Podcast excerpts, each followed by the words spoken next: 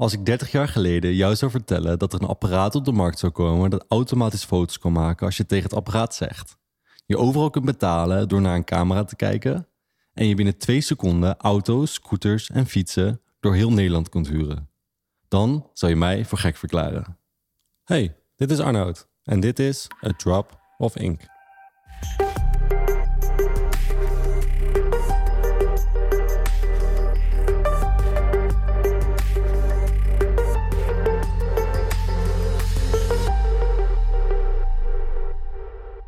Ze zouden je misschien wel een gesticht stoppen en zeggen dat je niet goed bent.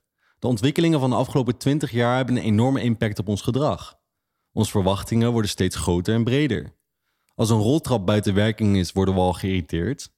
En als onze telefoons voor 5 seconden niet meewerken, dan geven we er al direct een dreun op. We wennen steeds aan deze gemakken, terwijl ze 30 jaar geleden nog onmogelijk leken. En ondanks dat de afgelopen 30 jaar zo snel is gegaan, zien we dat we in deze 30 jaar enorm makkelijk alles konden omarmen. En dat we helemaal geen moeite meer hebben om bij te benen. En de cultuur zo is veranderd binnen 30 jaar. En soms zorgt het ervoor dat we dingen voor genoegen nemen. Dat we niet meer stilstaan bij wat we hebben. Elke ochtend doe ik een oefening en dat heet primen, waarin ik mijn brein klaarmaak voor de dag. En hier zit een stukje in dat heet dankbaarheid, waarin ik drie minuten lang denk aan de dingen waar ik dankbaar voor ben en hoe dat voelt. En vaak komen er momenten op en herinneringen op die ik in jaren niet heb bedacht of waar ik normaal gesproken niet bij stilsta. Denk aan het dak boven je hoofd, het verse water uit de kraan. Dat je ochtends gewoon weer opstaat en je een nieuwe dag hebt. Dat je je mening kunt uiten. Dat ik deze podcast kan maken. Dat ik het werk kan doen wat ik het liefste wil doen. Dat je nu gewoon online je geld kan verdienen. Er zijn zo'n enorm veel ontwikkelingen die de afgelopen 30 jaar zijn gebeurd, waar ik profijt van heb, maar ook Waardoor het leven zoveel sneller is gegaan, waardoor we minder stilstaan bij de mooie dingen waar we dankbaar voor mogen zijn. En als deze dingen gewoon worden, dan nemen ze vaak voor genoegen en komen er niet meer bij terug. En dit zorgt ervoor dat we steeds meer en meer willen. En dit creëert een cultuur van gemak. Alles moet steeds sneller en makkelijker. Als we vandaag een bestelling plaatsen op bol.com, dan weten we dat het de volgende dag binnenkomt en dat wordt normaal. Als we extra boodschappen zijn vergeten, dan bestellen we dit online en wordt het binnen een uur op de fiets gebracht. Het is zelf als we boodschappen gaan doen en we niet meer wachten op de lange rij bij de kassa, dat we het gewoon zelf afrekenen. En dat is het waard. We zien dat alles steeds sneller en gemakkelijker moet. En in de intro benoemde ik het voorbeeld van de roltrap. En dit voorbeeld benoemde ik omdat ik het zelf heb meegemaakt, want ik reisde laatst naar mijn kantoor toe en ik moest overstappen met de metro. En ik wou de roltrap opgaan en er stond opeens een groot hek voor dat hij gesloten was vanwege werkzaamheden. Dus ik en een heleboel andere mensen moesten met de trap. En terwijl ik op de trap liep en ik alle mensen hoorde zweten en steunen en kuchen, bedacht ik me: waarom lopen mensen normaal gesproken altijd met de roltrap en niet de gewone trap? Nou, makkelijk antwoord zou je denken. Het is natuurlijk makkelijker. Ja, het is makkelijker. En het laat zien dat wij mensen eigenlijk altijd de makkelijke weg willen kiezen. En natuurlijk, niet iedereen loopt over de roltrap.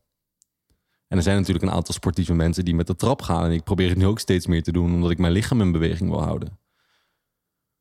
Maar als we weten dat meer mensen de roltrap nemen dan een gewone trap, waar zou het dan slimmer zijn om een advertentie op te hangen? Bovenaan de roltrap of bovenaan de gewone trap? Waarschijnlijk bovenaan de roltrap.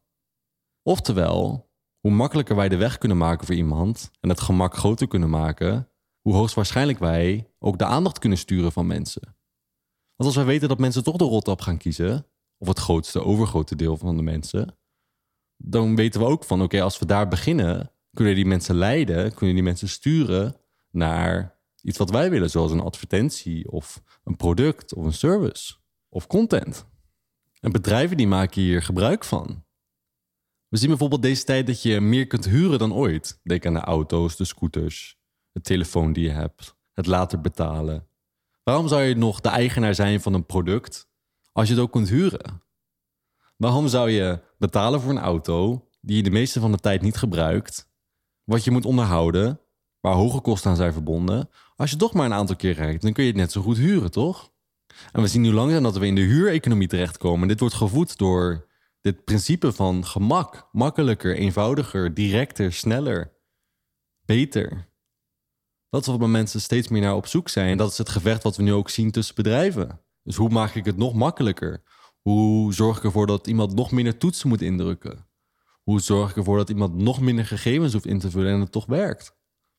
Ik maak bijvoorbeeld gebruik van de ehm, check scooters en Felix scooters. En je kunt nu bij check scooters kun je je ehm, zakelijke OV erin zetten en dan kun je daarop reizen. En super eenvoudig. Je gaat naar je instellingen en je vult gewoon je kaartnummer in. En het is klaar. Geen bevestiging, geen e-mail, niks. Het kan toch wel redelijk gevaarlijk zijn als je een OV pakt van een ander en die stop je in de app. En natuurlijk zullen ze er achteraf uiteindelijk wel achter kunnen komen. Maar het laat zien dat wij het gemak, de snelheid, dat dat steeds belangrijker wordt in ons leven. En daardoor zien we ook dat steeds meer mensen huren in plaats van kopen. Dat het te veel moeite is om alles te onderhouden, om maar te hebben. En dat het veel makkelijker is om gewoon maar een aantal knoppen te klikken en je kunt het huren en je kunt het hebben. En nu kan je zeggen, Arnoud, wat heeft dit te maken met content? Waarom ben je het hele verhaal aan het ophangen en wat heeft dit te maken met wat je doet? Nou, als we weten dat gemak de weg is met de minste weerstand, dan weten we ook hoe we aandacht kunnen sturen. En dat is nou net wat super belangrijk is bij content. Je hebt bijvoorbeeld nu een app waarmee je gedeeltes van boeken kunt lezen. En ik lees zelf ook boeken, ik doe het op mijn telefoon. Ik bedoel, dat is natuurlijk ook al een vorm van gemak. En ik kan er altijd bij en ik kan altijd terug. Super handig. Maar er zijn dus nu ook apps die letterlijk boeken samenvatten, die de belangrijkste punten eruit halen. Zodat je het hele boek niet hoeft te lezen. Dat is toch absurd? Niet dat ik hier achter sta en misschien is dit een leuk onderwerp voor een andere podcast. Maar zo zie je maar dat waar vraag is, er aanbod is. En dat we zelfs niet eens meer de tijd willen nemen om een heel boek te lezen, om de context te begrijpen, maar gewoon we direct de punten, de actiepunten, wat kunnen we hiermee doen? Hoe kan ik mijn leven beter maken? Hoe leef ik in minder angst en meer plezier? En in de wereld van social media zien we dat ook gebeuren. Hoe krijg ik sneller een boodschap tot me? Content die nog korter moet. Content die nog uitgebreider moet. Content die nog duidelijker moet. Alles wordt steeds sneller, makkelijker, sneller, makkelijker. Nu we weten dat mensen de weg kiezen met de minste weerstand en we op die manier aandacht kunnen sturen, kunnen we dit natuurlijk ook toepassen in onze content. De weg met de minste weerstand kunnen we ook wel vergelijken met bliksem. Bliksem kiest altijd de weg met de minste weerstand naar de grond toe. En de weg van de minste weerstand is door een object naar de grond toe en niet direct van de lucht naar de grond. Daarom dat ze ook zeggen als je op een open veld staat en dat bliksem, dat je daar moet wegwezen. Maar dit is ook de reden waarom er op hoge gebouwen bliksemafleiders staan. Zodat het gebouw niet onder stroom komt te staan, maar het zonder probleem gewoon naar de grond toe gaat. En je zult je afvragen, hoe doet bliksem dit dan? Kiest hij dat dan of zo? Nee, bliksem die gaat gewoon in een bepaalde weg en die volgt de weg waar de minste weerstand is. En als die in de buurt komt van een boom, een gebouw, een persoon, dan zal het die weg kiezen om zo naar de grond te komen. Oh, zo moeten we dus ook een beetje mensen gaan vergelijken nu. Dat wij steeds sneller, steeds makkelijker van A naar B willen komen. En er zijn vijf manieren hoe we dit kunnen verwerken in onze content. Hoe we iemand makkelijker van A naar B kunnen brengen. En het start met leesbaarheid. Denk aan een boek. Op het moment dat je een boek openslaat en je start met hoofdstuk 1, de tekst staat links gecentreerd. Waarom niet in het midden gecentreerd of rechts gecentreerd? Wat is de reden dat links gecentreerd staat? Oké, ja, we zijn ermee opgegroeid, zo zijn we leren lezen, dus het is makkelijker. Precies. Want als je een boek zou maken wat in het midden gecentreerd zou zijn, en je zou 200 bladzijden hebben, dan wordt het echt enorm lastig om daar doorheen te komen. Omdat je ogen continu moet zoeken, oké, waar begint de zin en waar eindigt de zin? En als het links staat uitgelijnd, weten we elke keer van, oké, we beginnen links, we eindigen rechts. En gaan dan weer naar links en naar het startpunt. Dus dat maakt het makkelijk lezen. Maar denk ook aan de witruimte. Denk aan de titels die worden gebruikt, de ondertitels, de grote letters als een paragraaf start. Deze dragen allemaal bij aan het gemak van je ogen en om een boodschap makkelijker over te laten komen. En we hebben het nu natuurlijk over geschreven content, maar dit is bijvoorbeeld ook met video en audio zo de geluidjes die je tussendoor hoort in mijn podcast, die geven aan dat een bepaald stuk klaar is en dat er een nieuw stuk begint. Dit zorgt ervoor dat het makkelijker is voor jou om te horen van oké, dit stuk is nu klaar, we gaan nu door naar het volgende stuk. En onbewust gebeuren er een heel aantal dingen in je brein die zich dan voorbereiden op het volgende stukje wat gaat komen. Maar ook in video's zien we dit gebeuren. Je hebt vast wel eens een video gezien waarin iemand iets uitlegt en dat je boven in de hoek een timer ziet staan die langzaam afloopt. En dat je precies kan zien, zo lang duurt dit stukje nog over dit onderwerp. Of denk aan een slider op YouTube, waarin je nu hoofdstukken kan toevoegen, waarin je precies kan zien welk hoofdstuk wat is en dat mensen kunnen navigeren van één hoofdstuk naar een andere hoofdstuk. En dat ze precies kunnen zien hoe ver ze in de video zijn. Welke content je ook hebt gemaakt, welke inhoud je ook hebt geschreven, we stoppen het altijd in een jasje. En dit jasje is het gemak. Te zorgen dat iemand makkelijk van A naar B komt. Dus dit zegt niks over de inhoud. Dit zegt niks over de voorbeelden die je gebruikt, welke vorm je gebruikt. Dit zegt hoe makkelijk kunnen mensen jouw stukje content consumeren. En dan komen we bij punt 2. Dat is begin kort en maak het behapbaar. Om het boek er weer bij te pakken, als je een boek openslaat, begin niet direct in het verhaal. Je ziet eerst het voorwoord, je ziet de hoofdstukken, je ziet een introductie. En je ziet hier allemaal verschillende variaties op. Maar we beginnen niet direct in het verhaal. Waarom is dat? De reden dat we dit doen is om iemand te introduceren met het onderwerp. Om te laten zien waar het over gaat. Om een stukje context te geven. Om het achtergrondverhaal te laten zien. Om aan te geven: oké, dit kun je verwachten. Dit gaat komen. En wat is de reden dat we dit doen? Dit helpt mensen om de content makkelijker te consumeren. Dat we niet direct in een heel groot verhaal beginnen, maar dat het gewoon klein en gemakkelijk gebeurt. Dat we makkelijk kunnen zien: oké, hier starten, dit gaat er komen. Je hoeft niet in één keer een hele paragraaf of verschillende paragrafen te lezen. Het begint gewoon heel rustig en makkelijk. En langzamerhand kom je steeds verder in het verhaal en wordt het steeds groter en dieper. En dat is oké. En dat mag met content. Maar het begin behapbaar maken, kort maken, helpt. Denk aan blogs, die hebben altijd een korte introductie waar het over gaat of wat gaat komen. Denk aan korte video's die vertellen: dit en dit gaan we behandelen. De titel en de introductie wordt gebruikt om aan te geven: dit kun je verwachten, dit kun je krijgen aan de podcast die worden gemaakt met interviews. Die elkaar introduceren, vertellen wie die persoon is, waar ze het vandaag over gaan hebben, wat belangrijk is. Elk stukje content dat we maken, zien we dat er een introductie wordt gebruikt. En dit is om het behapbaar te maken, om langzaam te beginnen. Zodat iemand het tot zich kan nemen en dat je niet in één keer een hele paragraaf voor je neus krijgt en je niet zo goed weet waar je moet beginnen. Dus zo spelen leesbaarheid en het kort en behapbaar maken in het begin erg samen. Dan komen we bij punt 3 en dit is het gebruik van een afbeelding of video. Denk aan een TED-talk. Ik kijk elke middag altijd een TED-talk en ik vind het altijd super interessant om te zien hoe deze mensen de aandacht trekken, de aandacht behouden en hoe ze een onderwerp uitleggen. Ik probeerde elke dag wel eentje te kijken om, om zelf beter te worden in content, maar ook om beter te begrijpen wat een ander doet. En op een bepaald moment vroeg ik me af waarom de een wel een beamer gebruikt en de ander niet. En we zien dat de meesten die gaan gewoon op het podium staan en doen een verhaal en die gebruiken niet eens een beamer. Maar sommigen die gebruiken wel een beamer. En dan vroeg ik me af waarom? Waarom is dat zo? Waarom doen mensen dat? En toen openden mijn ogen en toen zag ik dat deze mensen een onderwerp uitlegden die over het algemeen wat ingewikkelder was. Die moeilijke elementen bevatten om uit te leggen. En werd er dus een beamer gebruikt als ondersteuning. Er werden foto's gebruikt, video's gebruikt, infographics gebruikt, korte plaatjes gebruikt, afbeeldingen gebruikt om een boodschap thuis te brengen. En toen begreep ik het. We kunnen afbeeldingen en video gebruiken als extra, als toevoeging om iemand een boodschap mee te brengen. We kunnen afbeeldingen en video gebruiken om een boodschap makkelijker te maken, om het duidelijker te maken en behapbaar te maken. Als ik mijn carousels maak op Instagram, dan kijk ik naar elke slide en zie ik naar wat ik probeer uit te leggen en bekijk ik van, zou hier een afbeelding bij helpen of niet? Zou dat ondersteunen of zou dat in de weg zitten? En op het moment dat een afbeelding zou helpen of een korte uitleg of iets in leesbaarheid, dan pas ik dit aan. Om zo ervoor te zorgen dat een boodschap beter binnenvalt, dat iemand het beter begrijpt. En dit komt ook neer op hoe wij mensen een boodschap ontvangen. Video is niet voor niet zo erg populair. En dit komt doordat we niet alleen wat horen, maar ook wat zien. Dus we hebben zowel auditief als visueel krijgen we allemaal signalen binnen. En dit zorgt ervoor dat we een boodschap beter ontvangen, begrijpen, onthouden. En het is niet zo gek dat platformen zoals TikTok en YouTube daarom ook zo razend populair zijn en populair blijven. Omdat deze elementen samen een boodschap en een verhaal veel beter maakt. Denk aan de bioscoop, die voegt daar nog 3D-brillen aan toe, die voegt er nog 4D aan toe. Dit allemaal om je meer signalen te geven, je meer mee te nemen in een verhaal, zodat je het beter begrijpt en beter ervaart. En dit is ook de reden waarom je in video altijd iemand het meest kunt meenemen en het meest kunt losmaken.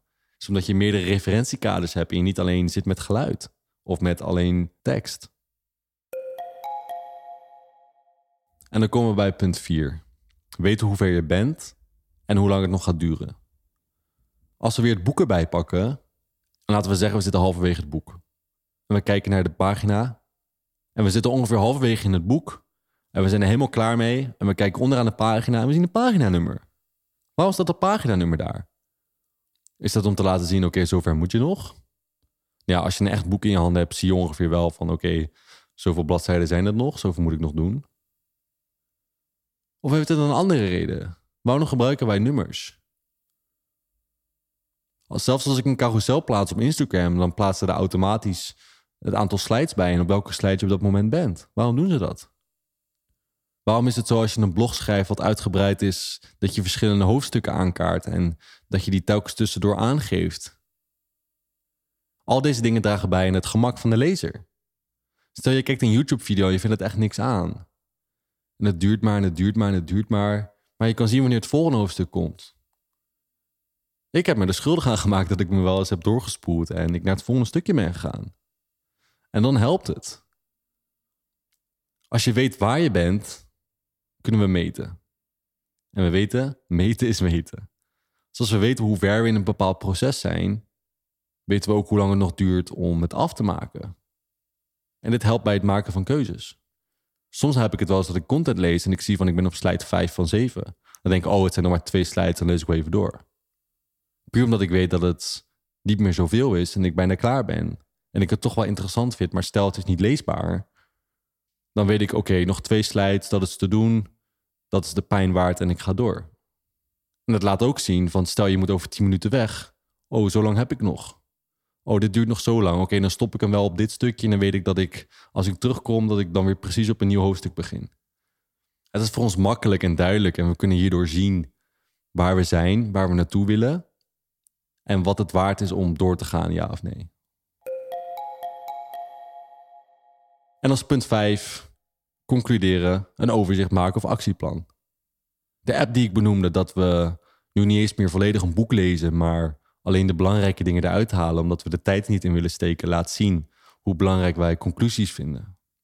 Dat wij de context eigenlijk niet meer willen weten, maar gewoon direct: wat kan ik doen? Hoe kan ik mijn leven beter maken? Hoe kan ik hiermee aan de slag? En juist ook als we een boek lezen, als we een blog lezen, als we langere video's lezen, vooral als het leerzaam is, willen we bepaalde punten in de content toevoegen waarin we even een pauze kunnen nemen. Kunnen zeggen van oké, dit en dit hebben we tot nu toe behandeld. Dit zijn de belangrijke punten. Zorg dat je het niet vergeet. Dit gaan we straks ook nodig hebben. En dit helpt ons om het te onthouden, want we weten herhaling helpt om te onthouden. Maar het geeft ook weer een rustplaats. Het laat zien dat het eerste stuk klaar is, of dat de content klaar is. En het laat nu zien van, je hebt nu alle informatie tot je genomen, nu kan je er wat mee doen. Heel veel mensen die nemen heel veel informatie tot zich, maar doen er niks mee. Maar als je die persoon ook kan helpen, door aan het einde van je content een samenvatting te maken, een overzicht te maken, een download te maken, een follow-up video te maken, een infographic te maken, zodat iemand het makkelijk begrijpt of dat hij er wat mee kan doen, helpt ons om de informatie beter te werken. Het maakt het makkelijker om ermee aan de slag te gaan en tot ons te nemen, om het op te slaan, om er later iets mee te doen. Gemak, gemak, gemak, gemak. En zo wil ik deze podcast ook met jullie afsluiten met een korte samenvatting. Is dat mensen kiezen de weg met de minste weerstand. In de afgelopen 30 jaar is alles zo snel vooruit gegaan en we leven steeds meer in de gemak-economie. Alles moet sneller, alles moet directer, alles moet korter en duidelijker. En wij als contentmakers zijn er voor iemand anders. We zijn er om een verschil te maken van iemand anders. En of we het hier nou mee eens zijn of niet, of we nou meer context willen geven of niet, als wij de aandacht van de ander willen verdienen, moeten we het serveren op een manier die zij willen consumeren. Dus onthoud deze vijf stappen bij het maken van content. Zorg dat de leesbaarheid, het jasje waar je content in stopt, dat het gemakkelijk is, dat iemand gemakkelijk van A naar B kan komen. Punt 2. Begin kort en behapbaar. Bouw het langzaam op. Geef iemand de tijd om de introductie te vinden in de content, om te laten zien of dit voor deze persoon relevant is. En bouw zo langzaam op naar de waarde en het verhaal wat je wil vertellen. Dit maakt dat mensen makkelijker jouw content lezen en makkelijker beginnen aan jouw content. Want als we al direct in een hele grote lab moeten beginnen, dan slaan we het al meestal direct over, vooral op social media. Maak gebruik van afbeelding en video als je dit kunt gebruiken en als dit je boodschap ondersteunt. We weten dat afbeelding en video, een beeld, ervoor zorgt dat we dingen beter kunnen onthouden en dingen beter kunnen begrijpen. Als we mensen beter willen dienen en het makkelijker voor willen maken, voeg deze dingen dan toe. Het kost misschien wat meer moeite om op deze manier content te maken, maar je wordt wel weer veel waardevoller voor een ander. Punt 4. Weet hoe ver je bent en hoe lang het nog gaat duren. Het is net als een blog wat je gaat lezen waarin je ziet: dit blog is 5 minuten leestijd.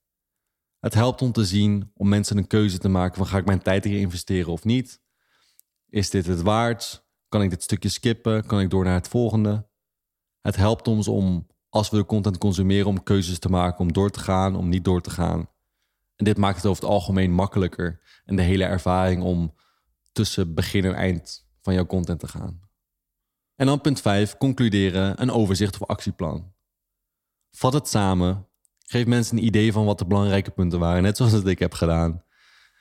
Om op deze manier de belangrijkste boodschappen te delen en te zorgen dat mensen deze onthouden. En ik hoop ook dat jullie deze onthouden. Je komt hier nog één keer. 1. Leesbaarheid. 2. Begin kort en behapbaar. 3. Gebruik afbeelding en video. Punt 4. Weten hoe ver je bent en hoe lang het nog gaat duren. Punt 5. Maak een conclusie, overzicht of actieplan. Stamp deze in je hoofd en maak hier een checklist van. En elke keer als je content maakt, ga gewoon even kort door deze punten heen. Kijk of deze kloppen, kijk of deze werken en probeer je mee te testen. Kijk wat werkt, kijk wat je anders kunt doen, wat je opnieuw kunt proberen. Want als wij content kunnen maken met de minste weerstand, kunnen we aandacht sturen. Net als de roltrap. Bedankt voor het luisteren naar deze podcast. Elke woensdag zijn we terug met een andere aflevering. En ik hoop dat je wat aan hebt gehad, maar bovenal dat je er wat mee doet.